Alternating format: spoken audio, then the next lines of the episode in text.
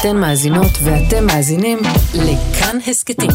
כאן הסכתים, הפודקאסטים של תאגיד השידור הישראלי.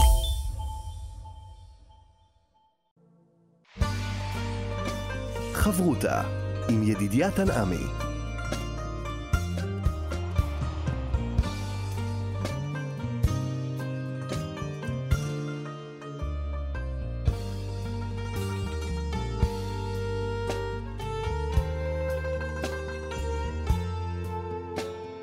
שלום, כאן מורשת, חברותא לימוד משותף עם רבנים ואנשי חינוך בנושא תנ"ך, הלכה ואמונה. הערב אנחנו לומדים תנ"ך יחד עם הרב איתן שנדורפי, רב בישיבת ירושלים לצעירים. וכאן ליד המיקרופון, ידידיה תנעמי, שלום לך כבוד הרב. שלום וברכה.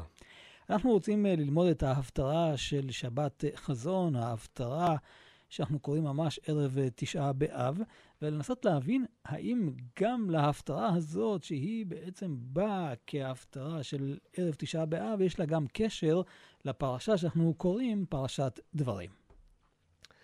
אה, ידוע בפי העם ששלושה נביאים אמרו את המילה איכה. גם משה רבנו, וגם ישעיהו הנביא, וגם ירמיהו שכתב את מגילת איכה. בפרשה אנחנו קוראים בפרק א', פסוק י"ב, איכה אשא לבדי תוככם ומסכם ורווחם, ובקהילות אשכנז נהגו לקרוא את הפסוק הזה בטעמים של איכה. ובקהילות אשכנז גם נהגו לקרוא כמעט את כל הפטרת דברים, גם כן בטעמים של איכה. ישעיהו הנביא אומר פה, איכה הייתה לזונה קרירה נאמנה, ואחרי זה איכה של מגילת איכה שקוראים בתשעה באב. כך שמבחינה זו, לא רק שההפטרה הזו היא חלק מתלתא דפורענותא ונקבעה בגלל הזמן ולא מצד הפרשות, אלא שיש לנו גם את המילה איכה כמילה מיוחדת שנאמרה גם בפרשה וגם בהפטרה.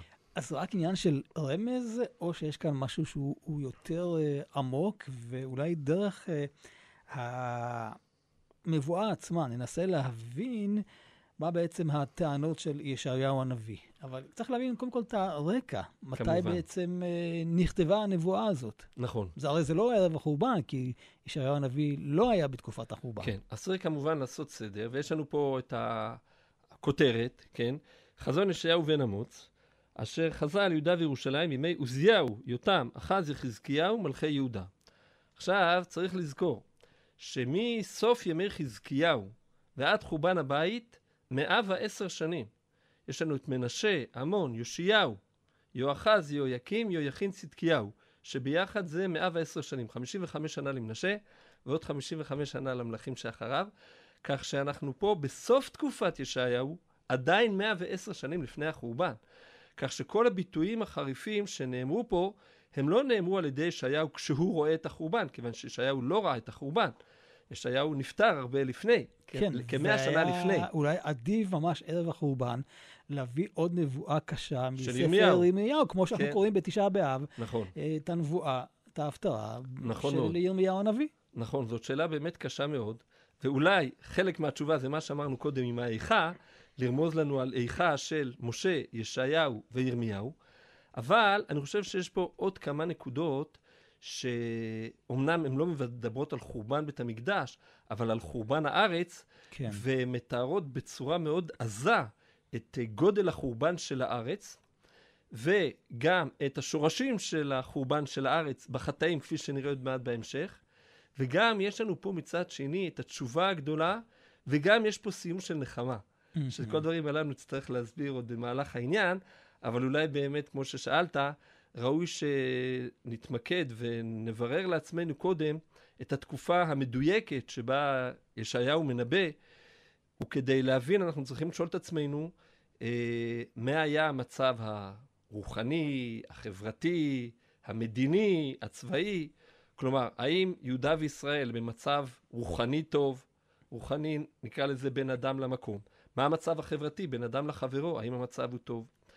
האם עם ישראל יושב בשלווה איש תחת גפנו ותחת תאנתו, או שהוא כל הזמן נמצא במאבקים ובמלחמות נגד אויבים? האם כשהוא נמצא במלחמות נגד אויבים, האם הוא מנצח את האויבים, או שחס ושלום האויבים מנצחים אותו? את כל הדברים הללו אנחנו צריכים אה, לברר טוב, ולבדוק. יש כאן תקופה ארוכה, או. וצריך לזכור שיש לפחות שניים, שלושה מלכים שהם מוגדרים כמלכים טובים, שהם אה, אוהבי השם, שומרי מצוותיו. כן. אז באמת יש לנו פה ארבעה מלכים, שעל שלושה מהם נאמר ויעש הישר בעיני השם, ועל חזקיהו נאמרו שבחים מופלגים, Mm-hmm. ומצד שני אחז ויעש הרע בעיני השם. ואנחנו יודעים שבדרך כלל גם המצב המדיני נגזר מהמצב הרוחני והחברתי, כך שבאמת בזמן עוזיהו המצב המדיני היה טוב, בזמן חזקיהו, בתחילת ימיו, המצב המדיני היה טוב, אבל בסוף ימיו המצב היה גרוע.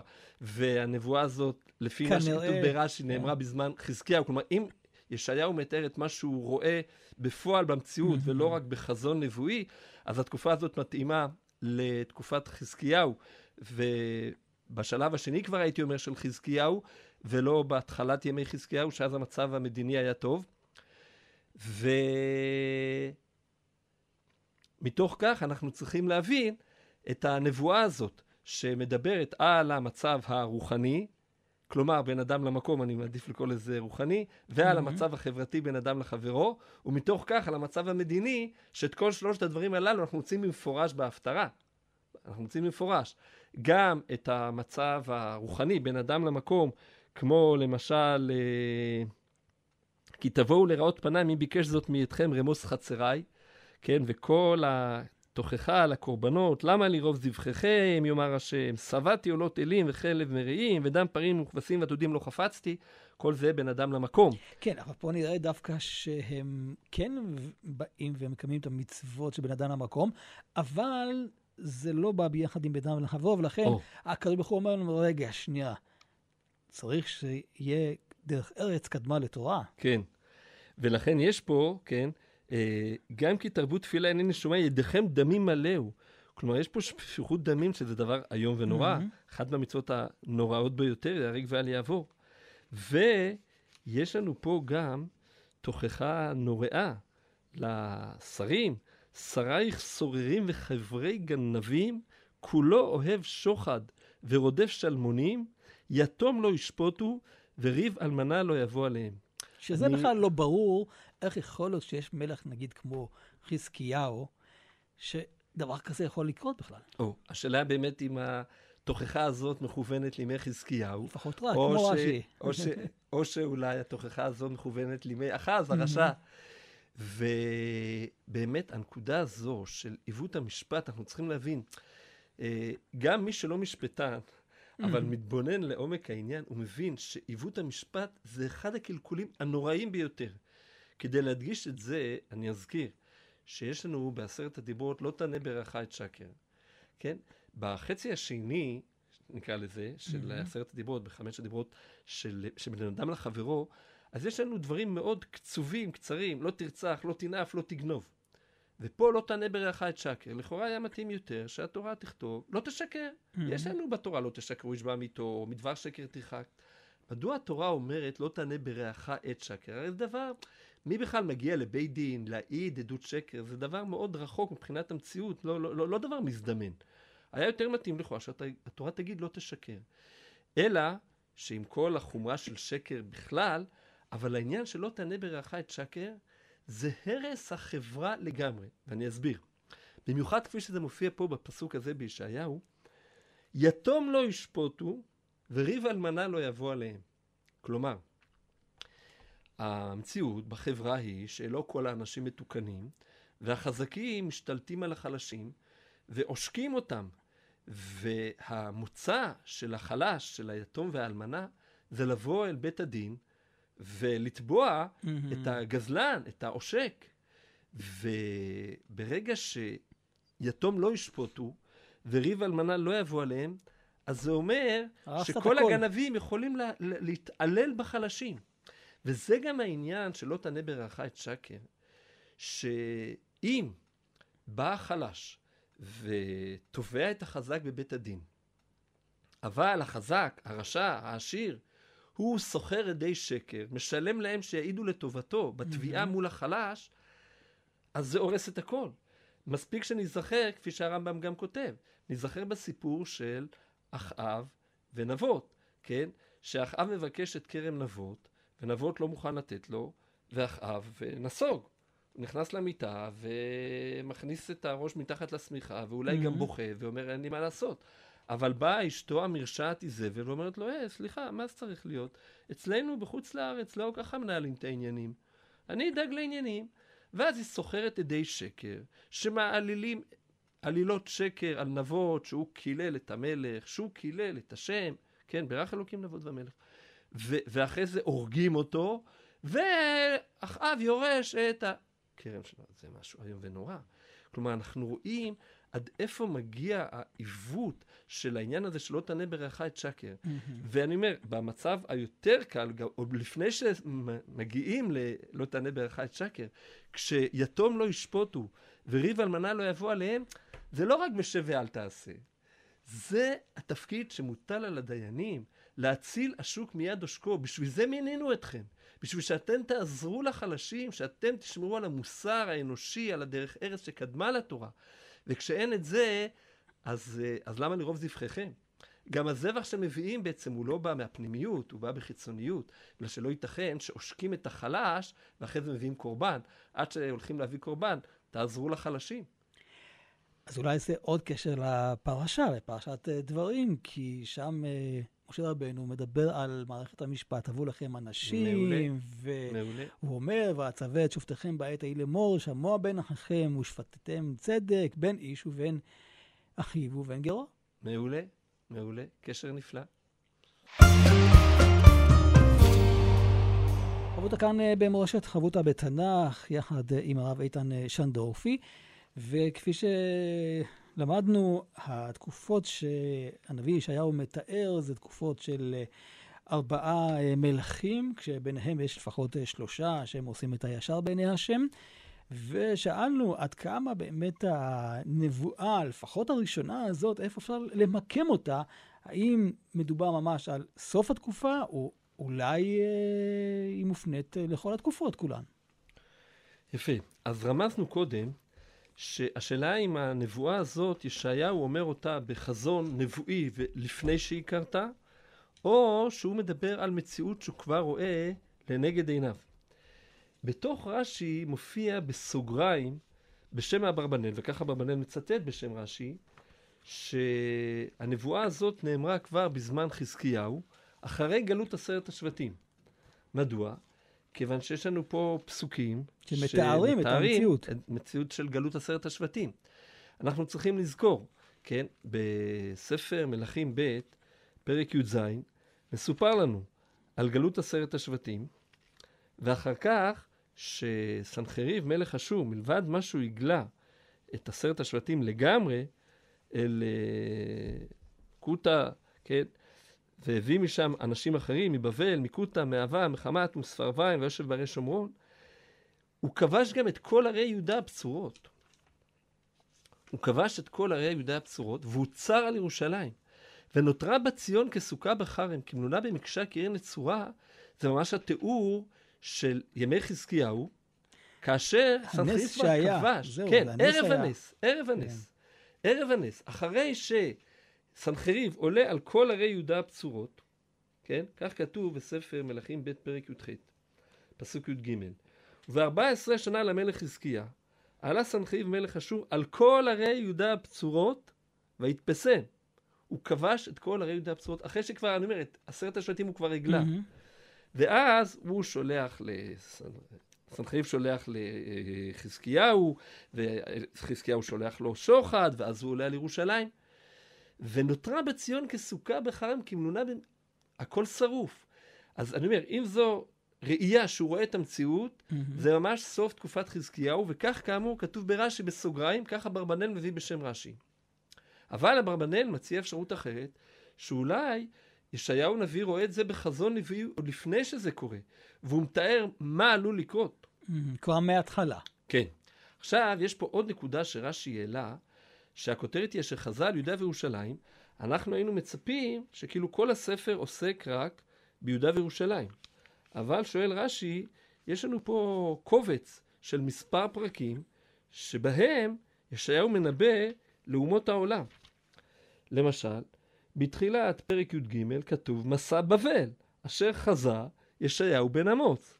ואחר כך יש לנו אה, מסע מצרים, מסע מואב, מסע דמשק, כן, פרקים ט"ו, ט"ז, י"ז. אז שואל רש"י, שחזר על יהודה וירושלים, הוא חזר רק על יהודה וירושלים? הוא חזר גם על, נב... על אומות העולם.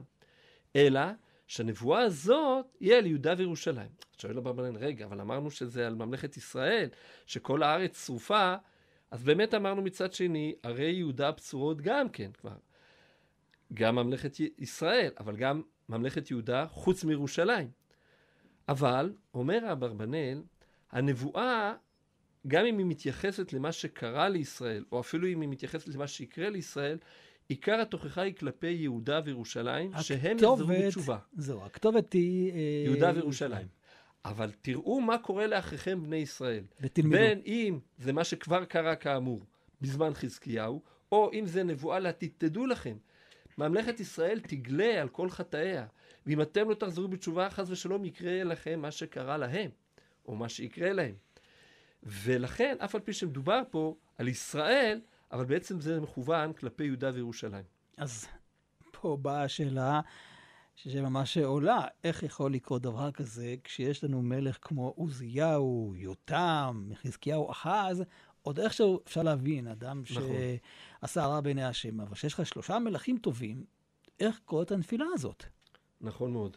אז על עוזיהו, כפי שאמרת, באמת כתוב שהוא עשה ישר בעיני השם, אבל בספר מלכים כתוב מאוד מאוד בקיצור, בפרק ט"ו, כמו שכתוב על הרבה מלכים צדקים, בפרק ט"ו פסוק ג' ויעשה ישר בעיני השם ככל אשר עשה מצאו אביו. רק הבמות לא שר ועוד עם מזבחים כתיב בבמות שזה דבר שמופיע כמעט אצל כל המלכים עד חזקיהו. אבל אחרי זה כתוב שם וינגע השם את המלך ויהי מצורע עד יום מותו וישב בבית החופשית לא כתוב למה זה דבר לא רגיל המלך נהיה מצורע טוב שיש לנו את דברי הימים. או, בא ספר דברי הימים, הוא מבאר לנו שעוזיהו, אה, מתוך ששם ספר דברים גם מתאר את ההצלחה הכבירה של עוזיהו, גם מבחינה מדינית וגם מבחינה כלכלית. כדאי שנקרא פה כמה פסוקים. ההתרחבות הגדולה של הארץ. כן. אה, כתוב שם כך, בפרק כ"ו בדברי הימים ב', זה מתחיל כך: ויקחו כל עם יהודה את עוזיהו, והוא בן 16 שנה, והמליכו אותו תחת אביו אמציהו. הוא בנה את אילות, וישיביה ליהודה אחרי שכב המלך עם אבותיו. אז כבר, בונה את אילת. אילת, כידוע, יש לה מוצא לים סוף. זה מקום מאוד מאוד חשוב מבחינה כלכלית. ואז, בן 16 שנה עוזיהו במלכו, ו-52 שנה מלך בירושלים, כן? המלך שמלך הכי הרבה שנים היה מנשה, 55, ואחריו עוזיהו 52. פרק זמן ענק, ענק. ושם מול יכוליה מן ירושלים. ויעש הישר בעיני השם, כל אשר עשה מצוי אביו. ויהי לדרוש אלוהים בימי זכריה ומבין בירות אלוהים, ובימי דרשו את השם יצלחו האלוקים. כלומר, הוא מתייעץ עם הנביאים, הוא מתייעץ עם החכמים, הוא מתייעץ עם הכהנים ששואלים באורים ותומים, והוא מצליח. ועכשיו, הצלחה המדינית מתוארת פה. ויצא וילחם בפלישתים, ויפרוץ את חומת גת, ואת חומת יבנה, ואת חומת אשדוד, ויבנה ערים באשדוד ובפלישתים, ויעזרהו האלוקים על פלישתים. אנחנו צריכים לזכור, בספר מלכים הוא נקרא כל הזמן עזריה, כן? ופה אנחנו רואים את השם עזריה, ויעזרהו אלוקים, ויעזרהו אלוקים. על הפלישתים ועל ערביים, היושבים בגורבל, והמעונים, ויתנו המונים מנחה לעוזיהו, ואלך שמו עד לבוא מצרים, כי החזיק עד למעלה. ויבן עוזיהו מגדלים בירושלים, לפני חמישים שנה או יותר הלחינו את הפסוק הזה. ויבן עוזיהו מגדלים בירושלים על שער הפינה ועל שער הגיא ועל המקצוע ויחזקם. כלומר, מתוך שהוא מצליח, אז יש לו כסף, והוא בונה ביצורים, מתכונן לדברים הנוראים שעלולים לבוא, כמו שאחרי זה קרה בזמן סנחריב ובזמן נבוכדנצר.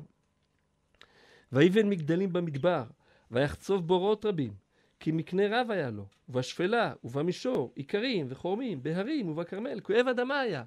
כי אנחנו רואים פה הצלחה כלכלית, הוא מפתח את כל הארץ מבחינה חקלאית כלכלית. ואילו עוזיהו חיל עושה מלחמה יוצאי צבא לגדוד במספר פקודתם וכולי, כל מספר ראשי האבות, חיל 2600, ויש פה פירוט ארוך של המספרים. ואז כתוב כך, באה הנפילה. וכחזקתו גבה ליבו עד להשחית. כלומר, אנחנו יודעים שאצל המלך התורה מזהירה במיוחד, ולא ירום לבבו. המלך, מתוך שיש לו עוצמה, בטח כשהוא מצליח, כפי שאמרנו, יש לו עוצמה צבאית, יש לו עוצמה כלכלית, אז אה, ליבו מתרחב, ואז אומר הפסוק, וכחזקתו גבה ליבו עד להשחית, וימעל בהשם אלוקיו, ויבוא אל היכל השם להקטיר על מזבח הקטורת. הוא מחליט שהוא רוצה להקטיר קטורת. ויבוא אחריו. עזריהו הכהן ועמו כהנים להשם שמונים בני חיל. ויעמדו על עוזיהו המלך ויאמרו לו, לא לך עוזיהו להקטיר להשם, כי לכהנים בני אהרון המקודשים להקטיר, צא מן המקדש, כי מעלת, ולא לך לכבוד מהשם אלוקים. ויזעף עוזיהו, ובידו מקטרת להקטיר, ובזעפו עם הכהנים, והצרת זרחה במצחו לפני הכהנים בבית השם למזבח הקטורת, ויפן אליו עזריהו כהן ראש וכל הכהנים והנהו מצורע במצחו, ויבהילוהו משם וגם הוא נדחף לצאת כי נגאו לצאת. כי נגאו השם. אם כן, מה שאנחנו רואים, מצד אחד, עד התקופה הזאת, המצב היה נפלא. הוא הולך בדרך השם, מתוך כך השם עוזר לו, גם מבחינה צבאית, שמו יוצא עד למרחוק, הוא מבצר את כל ממלכת יהודה, וצריך עוד להדגיש שבתקופה ההיא לא היה מאבק גם בין ממלכת יהודה לממלכת ישראל. ממלכת ישראל וממלכת יהודה שיתוף פעולה היה. היה שיתוף פעולה. מאיפה אנחנו יודעים את זה? כתוב שם. בספר מלכים ב', בסוף פרק י"ד, פסוק כ"ג, כתוב כך: בשנת 15 שנה לאמציהו בן יואש מלך יהודה, מלך ירבעם בן יואש מלך ישראל בשומרון 41 שנה. והיה שרה בעיני השם. לא שם מכל חטאות ירבעם בן נבט אשר החטיץ ישראל. אבל מבחינה מדינית, הוא השיב את גבול ישראל מלבוא חמת עד ים הערבה. כי דבר השם אלוקי ישראל שדיבר ביד עבדו יונה בן אמיתי הנביא אשר מגת החפר. כי ראה השם את עוני ישראל, מורה מאוד, ואפס עצוב ואפס עזוב, ואין עוזר לישראל. ולא דיבר השם למחות את שם ישראל מתחת השמיים, ויושיעם ביד ירבעם בן יואש, ושים לב, כתוב ככה, ויתר דברי ירבעם, וכל אשר עשה, וגבורתו אשר נלחם, ואשר השיב את דמשק ואת חמת, ליהודה בישראל. אז צריך להיות. דמשק זה בצפון, זה מול ממלכת ישראל. מה זה ליהודה בישראל? אלא שמפה אנחנו רואים במאוד מקומות שהיה שיתוף פעולה בין ממלכת יהודה לממלכת ישראל, והם שולטים כמעט בכל המזרח התיכון. ואז מתוך כך אנחנו יכולים להבין את הניסיון הגדול שעמד בו, עמד בפני עוזיהו, ועוזיהו נכשל, ואז הוא רוצה להקטיר. עכשיו, יש גם uh, לימוד זכות, שהוא אמר, אדרבה, אני מלך כזה גדול, כבוד השם, שם, Mm. מלך כזה גדול יבוא להקטיר. אמרו לו, תשמע, בלי חשבונות. אתה לא כהן. אתה לא כהן, זהו, בלי חשבונות. הכהנים מקטירים, זהו. ושם אנחנו יודעים שעם קורח שרצה את הכהונה, כן, אז נאמר שם, ולא יהיה כקורח וחדתו, כאשר דיבר השם ביד משה לו. רש"י שם מביא, מה זה ביד משה? כאשר דיבר השם אל משה. אומר רש"י, יש פה רמז, ביד משה. אתם זוכרים מה קראו ליד של משה? צרעת. היד של משה הייתה בצרעת. אז ולא יהיה כקורח וכעדתו. אומר רש"י, גם אומר את זה בפרק ו', שעוד מעט נדבר עליו בישעיהו, שכשעוזיהו בא להקטיר, רעשה האדמה. הייתה רעידת אדמה, למה? האדמה רצתה לבלוע אותו, כמו שהיא בלעה את קורח ועדתו. שזו ו- הנבואה של ה... שמופיעה אצלנו בישעיהו. כן, כן. בפרק ו'. ורצו מהשמיים לשרוף אותו, כמו שאש יצאה מאת השם ושרפה את 250 מקטירי הקטורת. מהמם. ואז יצאה בת קול, אומרים לנו חז"ל, ולא יהיה כקורח וכעדתו, לא יהיה בשרפה ולא יהיה בבליעה, אלא כאשר דיבר השם ביד משה בצרעת. כמו יד משה, אבל פה זה לא היה ביד, אלא במצחו, שזה בולט. בולט כל כך. ועל זה, אבל אומרים לנו חז"ל, שפה כבר היה רעש. כשיש רעש אדמה, רעידת אדמה, מה קורה לכל החומות, מה קורה לכל המגדלים, מה קורה לכל הבורות, מה קורה לכל הביצורים. הכל מתפרק. הכל מתפרק. כלומר, הייתה פה מפלה בלי להילחם באומה אחרת. מתוך זה שעוזיהו רוצה להקטיר, הכל קורס. ו, והמצב הזה, זה המצב של יותם, שהוא מתחיל את המלכות אחרי קריסה. אחרי קריסה. אבל הוא צדיק, והוא מנסה לשקם, אבל אחריו בא אחז, שמרשיע. ואחז באמת אנחנו מוצאים שיש לו מלחמות, גם עם ממלכת ישראל, ולא רק עם ממלכת ישראל, גם עם ממלכת ארם. אנחנו מוצאים את זה גם בישעיהו, גם במלכים בקיצור. בספר דברי הימים, יש שם תיאור נורא מה קרה בזמן אחז. כתוב שם שבפרק כ"ח, כתוב על אחז, דברי ימים ב', כן, פרק כ"ח, כשהוא נלחם בפקר בן רמליהו, אז בהתחלה כתוב כך, פסוק ה', ויתנהו השם אלוקיו ביד מלך ארם, ויכובו, וישבו ממנו שבייה גדולה והביאו דרמסק, וגם ביד מלך ישראל נטל, ניתן, והיה בו מכה גדולה. אז פה זה רק מהמם. דברים כלליים, אבל עכשיו יש פה פירוט. ויהרוג פקר בן רמליהו ביהודה 120 אלף ביום אחד. וואו. הכל בני חיים. אנחנו מזדעזעים. על כל יהודי כואב הלב. 120 אלף במלחמת אחים ביום אחד. ביום אחד. למה? כתוב, ועוזבם את השם לוקי אבותם, כפי שאמרנו, אחז היה רשע מרושע. 120 אלף. אבל לא רק זה, ויהרוג זכרי גיבור אפרים את מעשיהו בן המלך. בן המלך נהרג בקרב. עזריקם נגיד הבית, אלקנה משנה המלך, כל המקורבים למלכות כל נהרגים. הקבינט. ועל גבי זה נאמר שם, וישבו בני ישראל מאחיהם 200 אלף נשים, בנים ובנות, וגם שלל רב בזזו מהם. והביאו את השלל לשומרון. 120 אלף הרוגים, 200 אלף שבויים, זה משהו איום ונורא.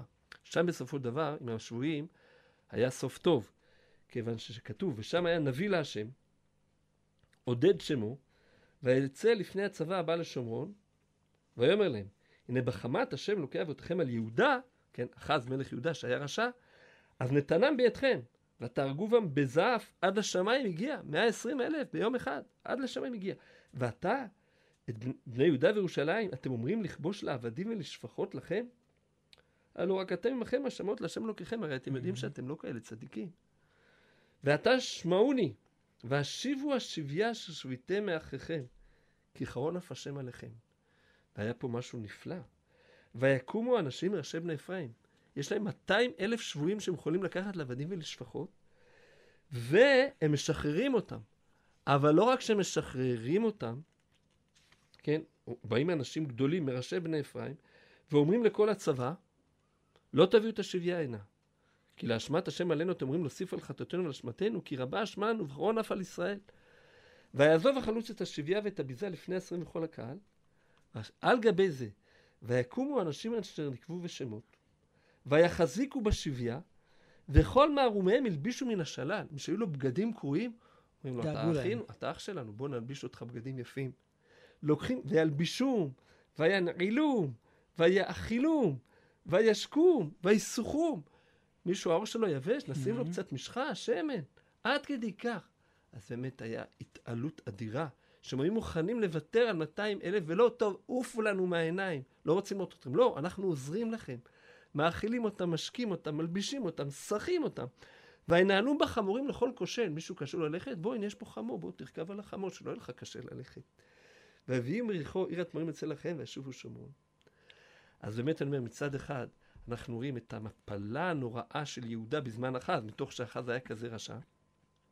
מצד שני, את ההתעלות של בני אפרים, ממלכת ישראל, שהיו מוכנים לוותר על כל השבויים. ואחרי זה יש לנו את חזקיהו. חבותה בתנ"ך כאן אה, במורשת, ואנחנו לקראת אה, חתימת התוכנית, מנסים עכשיו אה, להבין מתי בעצם נאמרה ההפטרה הזאת. אה, אחת האופציות שהזכרת, הרב, זה בתקופת חזקיה, בגלל התיאורים שמופיעים כאן, נכון? שמתאימים לתקופת חזקיהו, כן. אחרי גלות עשרת השבטים, וכיבוש סנחריב את כל ערי יהודה הבצורות, ונותרה בציון כסוכה בחריים, כלומר ביקשה כעיר נצורה, כלומר רק ירושלים נשארת במצור. כן. ואז היה הנס הגדול, שהשם היכה את כל מחנה אשור, וירושלים ניצלה. כן? אגב, מאוד מעניין, אה, מצאו את אה, מצבה מסוימת של סנחריב, שהוא מתפאר איך שהוא כובש את כל ערי יהודה הבצורות, והוא לא שיקר שם. הוא באמת, הוא אומר, כבשתי את כל ערי יהודה. והוא לא מזכיר את ירושלים. ומה הוא מש- ממשיך שם? הוא ממשיך שם את חזקיהו קלעתי כ- כעוף בכלוב. ככה הוא כותב שם, וזה נכון. ועל זה אומר ישעיהו הנביא, כציפורים עפות, כי ינגן השם על ירושלים. כלומר, נכון שסנחריב מתפאר שחזקיהו הוא כמו כלוב, מהמם. כמו עוף בתוך כלוב. כן, כמצור. כן, בגלל שהוא במצור, הוא סגור. אבל לפעמים, אה, משום מה... ה- ציפור משתחררת. כן, הכלוב פתאום נפתח, משום מה, באה רוח, לא יודע, נשבר שם איזה מהמם. משהו, כן? אז ככה פה, נשבר המצור. אז באמת זה מאוד מעניין, שבאמת סנחריב מתפאר בצדק על זה שהוא כבש את הכל, והוא לא אומר שהוא כבש את ירושלים. וברור שאם היה כובש את ירושלים, הוא לא היה מוותר על הגאווה הזאת, נכון. כן? אלא הוא רק מספר שהוא כלא את חזקיהו, וזה נכון, אבל שם נגמר הסיפור. הוא כבר לא מספר איך כל החיילים שלו מתו, ואיך השם אחרי זה מכה אותו, הבנים שלו הכו אותו. אז נשאלת השאלה, למה בעצם הנבואה הזאת היא הנבואה הראשונה? אם היא כל כך מאוחרת. בדיוק, גם, אנחנו גם מצאנו, קראנו בהפטרות של הפורענות אצל ירמיהו את הנבואה של ההקדשה, היה צריך להתחיל עם פרק אה, ו', ו', שהוא נכון מאוד. ההקדשה של הנביא, ישעיהו. נכון. ואנחנו קוראים את ההפטרה הזאת, כידוע, כהפטרה של פרשת יתרו. אה, ומדוע קוראים אותה ביתרו? כיוון שיש שם את התגלות השם. אה, ראיתי, ויראה את השם יושב על כיסא רם ונישא, כן, קדוש, קדוש, קדוש, מול מעמד הר סיני. ומאיפה אנחנו יודעים שזאת. נבואת ההקדשה? ששם נאמר בישעיהו, פרק ו', פסוק ח', כתוב כך: ואשמע את כל השם אומר, את מי אשלח ומי ילך לנו? ואומר, הנני שלחני. אז אם כן, ישעיהו הנביא מתאר שהוא שומע את השם, שואל מי מוכן להיות נביא, וישעיהו מתנדב להיות נביא. ואז, ואז השם מצווה אותו, לך ואמרת לעם הזה, שימוש שמוע וכולי. ו... ורש"י מביא את זה, והמפרשים מביאים את זה, וזה מחילתה, שאין מוקדם ומאוחר בתורה. הוכחה מהנביאים, מפה. שהרי אתה רואה שהנבואה הראשונה, מבחינת Mm. סדר הזמנים, זה בפרק ו'. עכשיו, צריך גם להדגיש, פה יש פה כותרת, בשנת מות המלך עוזיהו. עכשיו, חז"ל אמרו שבשנת מות המלך עוזיהו, זה מה שרמזנו קודם, זה לא כשהוא מת, אלא זה כשהוא נצטרע, שמצורע חשוב כמת. יש בשם הגר"א, כתב הקבלה מביא בשם הגר"א, למה חז"ל דרשו את זה? בגלל שאין שלטון ביום המוות. אם עוזיהו מת, היה צריך להיות בשנת מות עוזיהו. אם כתוב המלך עוזיהו, סימן שהוא עדיין מלך. אם הוא מלך, אז הוא לא מת. אז רגע, אבל כתוב שהוא מת? לא, מצורע חשוב כמת. וזה מה שרש"י פה אומר, אה, שרפים עומדים ממעלו, וינועו אמות הסיפים מכל הקורא והבית עם מלא עשן. רעידת האדמה זה שהייתה. רעידת האדמה, וינועו אמות הסיפים, הכל מזדעזע. והבית עם מלא עשן, אין עשן ולא אש, מה שאנשים רגילים להגיד. וזה שרצתה, כפי שאמרנו, האדמה לבלוע אותו, והאש לשרוף אותו, ואז בסוף הוא מצטרע. וזאת נבואת ההקדשה של ישעיהו. וכאמור, רש"י אומר שהנבואה שלנו היא בימי חזקיהו. אז נשאלת השאלה, בסדר, חז"ל אומרים אין מוקדם ומאוחר בתורה, אבל צריך לדעת, למה אין מוקדם? ומאוחר בתורה, זה לא סיבה למה זה נכתב כך, זה רק בא לענות על שאלה אחרת לגמרי. האם ייתכן שמשהו שמופיע בהתחלה הוא היה מאוחר? התשובה היא כן, אין מוקדם ומאוחר בתורה. והדברים הללו מפורשים ברש"י על התורה. בפרשת בעלותך, ספר במדבר, פרק ט', נאמר שהפרק הזה, הנבואה הזאת, הציווי הזה, נאמר בחודש הראשון. כך פותח פרק ט'. וידבר השם משה במדבר סיני בשנה הש... השנית לצאתה מארץ מצרים, בחודש הראשון לאמור. ואילו ספר במדבר, פרק א', פסוק א', פותח, בשנה השנית. וידבר השם משה במדבר סיני באוהל מועד בחד לחודש השני בשנה השנית. אז שואל רש"י, איך יכול להיות?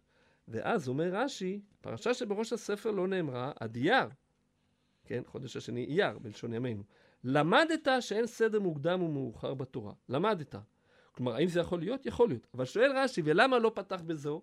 כלומר, על גבי זה שאנחנו אומרים אין מוקדם ומאוחר בתורה, ולא אנחנו סתם מעצמנו אומרים, חז"ל אומרים לנו, או רבותינו המפרשים, אבל על גבי זה אומר רש"י, צריך לשאול, רגע, אז למה? וכאמור, במחילתא וכן בקהלת רבה, הביאו את הפרק שלנו מול פרק ו' כדוגמה. כדוגמה לכך שאין מוקדם מאוחר לא רק בתורה, אלא גם בנביאים.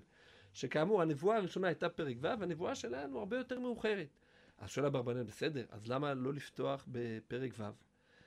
ואז אברבנאל מציע כמה אפשרויות. הוא מציע אולי בגלל ששם יש בעיה, שישעיהו אומר, אוי לי כי נדמתי, כי המטמא שפתיים, כי איש טמא שפתיים אנוכי, ובתוך המטמא שפתיים אנוכי יושב. אומר אברבנאל, ומה פה הוא אומר להם? הוא מוכיח אותם בתוכחות כל כך קשות, גוי חוטא, עם כבד עוון, זרע מרעים, בנים משחיתים, ניאצו את קדוש ישראל. ביטויים נוראים, ככה פותחים, שואל אברבנאל. הייתי מצפה שנפתח בדברים קצת יותר עדינים, במיוחד ישעיהו, שחז"ל אומרים שכולו נחמה, וכפי שהסברנו, Mm-hmm. שרובו נחמה, כן? אנחנו אחרי תלתא דפורענות, יש לנו שבע דנחמתא, כל השבע הנחמות הם כולם ישעיהו.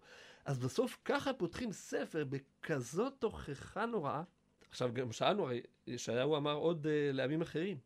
ורש"י כבר אמר שהתוכחה הזו היא תוכחה בפני עצמה, ועוד ראוי להתבונן, שבפרק ב' בישעיהו, הנבואה, נבואת הנחמה הנפלאה, על uh, באחרית הימים, נכון יער בית השם, שוב יש שם פתיחה, הדבר אשר חזה ישעיהו בן אמוץ ליהודה וירושלים. נו, אנחנו כבר יודעים את זה בפרק א'. אלא אומר אברבנאל, מזה אתה רואה שהכותרת הזאת, אף על פי שהיא נראית כותרת של כל הספר, וודאי אשר בימי עוזיה, יותם, אחז וחזקיה ומלכי יהודה, זה ודאי כותרת כללית לכל הספר, אבל אשר חזה ליהודה וירושלים, היא צריכה להיות כותרת פרטית, בגלל שעובדה שהיא מופיעה מיד אחרי זה שוב. אומר אברבנאל, חידוש גדול. הוא אומר, את הנבואה הזאת אמר ישעיהו הנביא, גם בימי עוזיהו, גם בימי יותם, גם בימי אחז, גם בימי חזקיהו. כשבימי עוזיהו, יותם ואחז, זאת נבואה שצופה פני עתיד, לפני שכל זה קרה. והוא אומר, תשמעו, זה מה שיקרה. אם אתם לא חוזרים בתשובה, תדעו שזה מה שיקרה. ועוד הוא שואל, הרי כתוב, ישראל לא ידע. אז למה כתוב פה רק על יהודה וירושלים? כן. גם על ישראל, אלא כפי שהזכרנו. הכל הוא מול יהודה וירושלים. ישעיהו מנסה להחזיר בתשובה את ממלכת יהודה. הוא אומר להם, תראו מה עומד לקרות, ומה אחרי זה, בזמן חזקיהו כבר, מהמם, מה קרה. קרה לממלכת ישראל, ואם אתם לא חוזרים בתשובה, אז חס ושלום זה מה שעתיד לקרות להם, לממלכת יהודה. זה בעצם איזה סיכום ככה קצר לפני שנכנסים לספר עצמו, תקציר המציאות של החורבן וכאמור, זה לא. חורבן הבית, שאנחנו כן, בתשעה באב. נכון. כן, זה, וירושלים גם ניצלה. אז לקראת סיום, הרב איתן, אולי נדבר על כך שבסוף צריך לחתום עם איזה נחמה, נכון? כמובן. גם כשמדברים. אפילו אה, ירמיהו הנביא במגילת איכה מסיים עם נחמה. כן. אז גם פה. יש לנו פה אה, לפחות שתי נחמות גדולות מאוד. יש לנו, ב- לקראת סוף ההפטרה, פסוק כ"ד, לכן נאום האדון השם צבאות אוויר ישראל. הו ינחם מצרים וינקמה מאויבי, ואשיבה ידי עלייך, ואצרוף כבור סיגייך, ואסיר הכל בדילייך, ואשיבה שופטייך כבראשונה ויועצייך כבתחילה. זה המקור למה שאנחנו מתפללים שלוש פעמים ביום. השיבה שופטנו כבראשונה, ויועצינו כבת תחילה. זה המקור, השיבה שופטייך כבראשונה. אחרי כן יקרא לך עיר הצדק, קריה נאמנה. כלומר, זה לא מסיים בתוכחה, בפורענות, אלא ירושלים תחזור להיות עיר הצדק, קריה נאמנה, עם שופטים צדיקים, עם יועצים צדיקים, לא כפי שהזכרנו קודם, יתום לא ישפוטו וריב אלמנה לא יבוא עליהם. ו... ויש... וציון במשפט תיפדה ושביה בצדקה, כלומר, עם ישראל יחזור אל המשפט המתוקן. עם ישראל יחזור לעשות צדקה וצדק, במיוחד עם היתומים והאלמנות, ועל ידי זה הוא ייגאל. אבל יש פה עוד דבר, שהוא בלוע בתוך הפסוקים פה, והוא העניין של ימים נוראים. כן, אז אומנם אנחנו רק באב, אבל דורשי רשומות אמרו בתמוז, תשובה ממשמשת, ראשי תיבות של תמוז, תשובה ממשמשת, ממשמשת ובא זמנה, ועל חודש אב אמרו אלול בא. כן? כשאנחנו נמצאים באלול, ו- ויש שכבר אומרים אה, תיקון נדרים, 40 יום קודם ראש השנה, כבר בתוך חודש אב, אה, יש לנו פה את הפסוקים הנפלאים, בפסוקים י"ח וי"ט.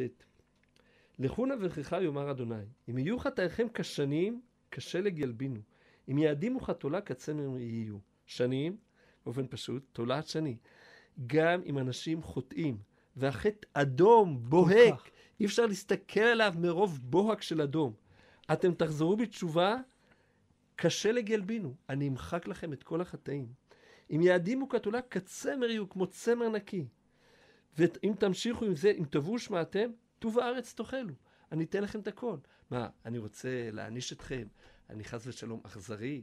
אני רוצה שאתם תחזרו בתשובה, אני רוצה שיהיה לכם טוב, טוב אמיתי בעולם הזה, וטוב אמיתי בעולם הבא. הטוב האמיתי של העולם הזה זה הצדק. הצדק זה הטוב האמיתי של העולם הזה.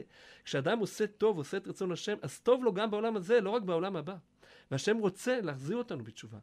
ויש לנו פה, אם כן, גם את התוכחה לעתיד, וגם כל אחד ואחד שנזכה לחזור בתשובה שלמה, ומתוך כך להיגאל בגאולה השלמה במהרה בימינו. אמן כן יהי רצון. תודה רבה מיוחדת לך, הרב איתן שנדופי, רב בישיבת ירושלים לצעירים.